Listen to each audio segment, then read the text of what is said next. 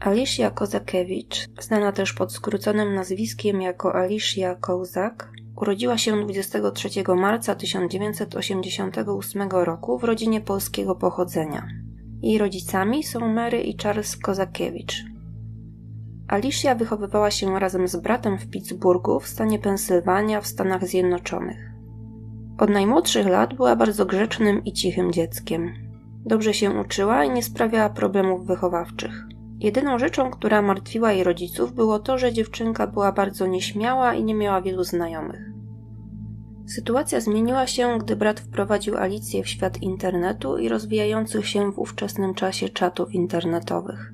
Alicję, będącą już nastolatką, zafascynowała możliwość nawiązywania znajomości na odległość za pośrednictwem wiadomości tekstowych.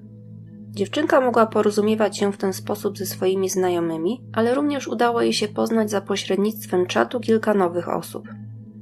Pomimo tego, że dziewczynka spędzała dużo czasu na czatowaniu z wieloma nie do końca znanymi ludźmi, jej rodziców nie niepokoił ten fakt. Wiedzieli, że ich córka jest rozsądna i dość nieśmiała. Nie spodziewali się więc, że z niewinnych rozmów przez internet może wyniknąć coś złego.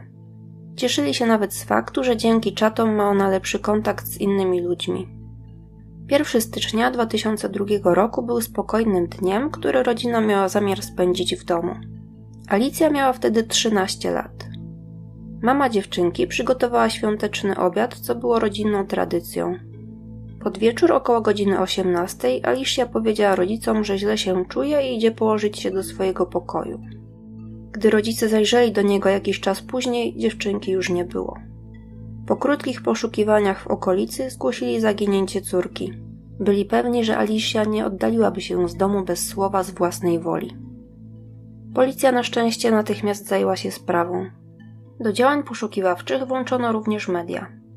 Zaginięcie nastolatki szybko nabrało rozgłosu. Informacje o zaginionej wraz z jej zdjęciem pojawiły się zarówno w lokalnej telewizji, jak i w gazetach. Proszono wszystkie osoby, które mogły mieć jakiekolwiek informacje mogące pomóc w odnalezieniu dziewczynki, o zgłaszanie się na policję. Na szczęście na efekt tych apeli nie czekano długo. 3 stycznia w godzinach wieczornych FBI otrzymało anonimowy telefon od osoby, która twierdziła, że ma informacje na temat porwania dziewczynki. Osoba ta nie chciała podać swoich danych, bojąc się, że zostanie oskarżona o współudział. Informator podał nick, pod którym domniemany porywacz występował na czacie internetowym oraz nazwę czatu. Dzięki temu FBI dotarło do adresu IP porywacza i za jego pomocą ustaliło jego adres zamieszkania. 4 stycznia 2002 roku w godzinach popołudniowych FBI wkroczyło do domu Scotta Tyree, 38-letniego programisty komputerowego mieszkającego w mieście Herndon w stanie Virginia. Piwnicy domu pod łóżkiem odnaleźli Alicję. Dziewczynka była przerażona, naga, widać było ślady pobicia. Na szyi miała założoną psią obrożę, która za pomocą smyczy była przywiązana do łóżka. Gdy agenci FBI wkroczyli do piwnicy, dziewczynka w pierwszej chwili wpadła w panikę. Była przekonana, że mężczyźni, którzy wtargnęli do domu, będą chcieli ją zabić. Szybko zdała sobie jednak sprawę z tego, że właśnie uratowano jej życie. Scott Tyree w godzinę po uwolnieniu Alicji został aresztowany w swoim miejscu pracy. Alicia natomiast została przetransportowana do szpitala i natychmiast objęta opieką medyczną i psychologiczną.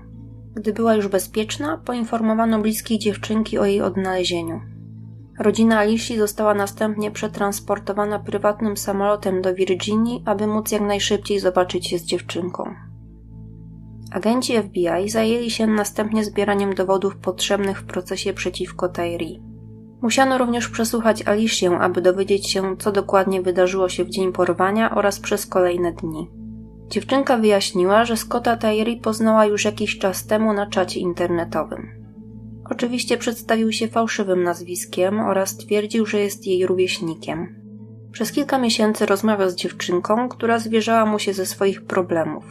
Scott grał przyjaciela, który służył jej dobrą radą i wspierał w trudnych momentach. Rozmawiał z Alicją głównie w godzinach nocnych, kiedy jej rodzice nie mieli nadzoru nad tym, co robi ich córka. W końcu, pod koniec 2001 roku, mężczyzna zaczął nalegać na spotkanie twarzą w twarz. Po kilku prośbach Alicia zgodziła się wymknąć na chwilę z domu, aby przywitać się ze swoim, jak wtedy myślała, przyjacielem. Umówiła się z Tyree właśnie wieczorem 1 stycznia 2002 roku niedaleko swojego domu. Spotkanie chciała utrzymać w tajemnicy przed rodzicami, dlatego wymyśliła historię o złym samopoczuciu. Krótko potem, jak udała się do swojego pokoju, wymknęła się z domu. Była na tyle przekonana, że wychodzi zaledwie na chwilę, że pomimo chłodu nie ubrała nawet płaszcza. Gdy dotarła na umówione miejsce spotkania, nie zastała swojego rówieśnika, a właśnie Scotta Tyree, który zawołał ją po imieniu. Wciągnął ją do samochodu, grożąc, że jeśli zacznie krzyczeć, zostanie zamknięta w bagażniku. Następnie porywacz wywiózł dziewczynę do innego stanu. Ich podróż trwała około pięciu godzin. W międzyczasie przyjeżdżali przez punkt poboru opłat drogowych. W momencie, gdy Scott płacił za przejazd, Alicia siedziała obok niego na przednim siedzeniu pasażera, płacząc.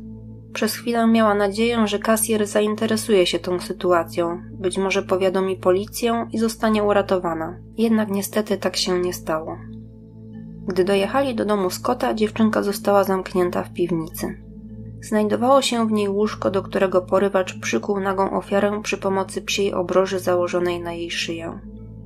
Przez te dni, w czasie których dziewczynka była przetrzymywana w piwnicy, Tyree bił ją i wielokrotnie gwałcił. Alicia była zastraszona. Początkowo próbowała się bronić, ale po pewnym czasie doszła do wniosku, że im mniejszy opór będzie stawiać, tym mniejszą krzywdę wyrządzi jej porywacz. Z każdym dniem docierało jednak do niej, że oprawca nie zamierza jej wypuścić i że najprawdopodobniej niedługo zostanie zabita. Scott popełnił jednak na szczęście błąd, który uratował życie dziewczynki.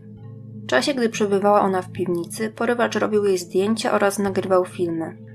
Był na tyle pewny siebie, że zaczął przechwalać je swoją niewolnicą seksualną, publikując te materiały w internecie. Jedna z osób, która je obejrzała, rozpoznała na nich porwaną dziewczynkę i powiadomiła organy ścigania, dzięki czemu FBI odbiło ofiarę i aresztowało porywacza. Dowody obciążające Tyree były niepodważalne. Zapisy z czatów internetowych, zdjęcia i filmy, które sam nagrywał, w końcu zeznania porwanej, wszystko to doprowadziło ostatecznie do skazania porywacza na ponad 19 lat pozbawienia wolności.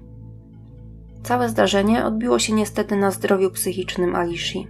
Pomimo tego, że sprawiedliwości stało się zadość, a oprawca nie mógł już jej zagrozić, dziewczynka po porwaniu cierpiała na zespół stresu pourazowego objawiający się m.in. zanikami pamięci. Jak mówi Alicia, przez pierwsze miesiące po porwaniu nie była w stanie nawet o tym mówić. Jednak z czasem, gdy pierwszy szok minął, nad wstydem i chęcią wyrzucenia z pamięci całego zdarzenia, górę wzięła chęć wspierania innych ofiar oraz chęć zapobiegania podobnym tragediom. Obecnie Alicia Kołzak-Kozakiewicz znana jest na całym świecie. Pojawiała się w wielu filmach oraz programach telewizyjnych poruszających tematy bezpieczeństwa w sieci, przemocy wśród młodzieży czy też zaginięć. Jest założycielką Alicia Project, grupy mającej na celu podnoszenie świadomości na temat internetowych przestępców, uprowadzania i wykorzystywania seksualnego dzieci. Dzięki niej w Stanach Zjednoczonych weszło również w życie tzw. Tak prawo Alicji, umożliwiające stałe dofinansowanie instytucji zajmujących się zapewnianiem dzieciom bezpieczeństwa w internecie. Historia Alicji pomimo tragicznych elementów wydaje się mieć jednak w sobie pozytywne strony. Dziewczyna pomimo przykrych przeżyć była w stanie zamienić złe doświadczenia w coś dobrego. Niestety w roku 2019 wydarzyło się coś, co spowodowało, że koszmarne wspomnienia z przeszłości wróciły. Dowiedziała się ona od dziennikarzy, że pomimo tego, iż Scott Tyree został skazany na ponad 19 lat pozbawienia wolności, za dobre sprawowanie opuścił on warunkowo więzienie 3 lata wcześniej, to jest na początku 2019 roku, i że został umieszczony przez władze w domu znajdującym się zaledwie 4 mile od domu rodzinnego Alishi. Kobieta wprawdzie nie mieszka już w Pittsburghu, ale nadal mieszkają tam jej rodzice i Alicia często odwiedza te okolice. Gdy dziewczyna dowiedziała się o tym, wnioskowała do sądu o przeniesienie Tairi do innego miejsca, argumentując, że jedyną rzeczą, która łączy zwyrodnialca z tym miastem, jest to, że właśnie tam porwał swoją ofiarę. Kobieta nie mogła zrozumieć, dlaczego władze postanowiły osiedlić Tairi właśnie tam. Miała też za złe, że nikt ze stróżów prawa nie poinformował jej rodziny o tym fakcie. Niestety protesty Aliszy nie poskutkowały i kobieta oraz jej bliscy przez kilka miesięcy żyli w strachu o to, że Scott może chcieć zemścić się na niej lub jej rodzinie, zwłaszcza, że aby tego dokonać nie musiałby nawet wyjeżdżać z miasta.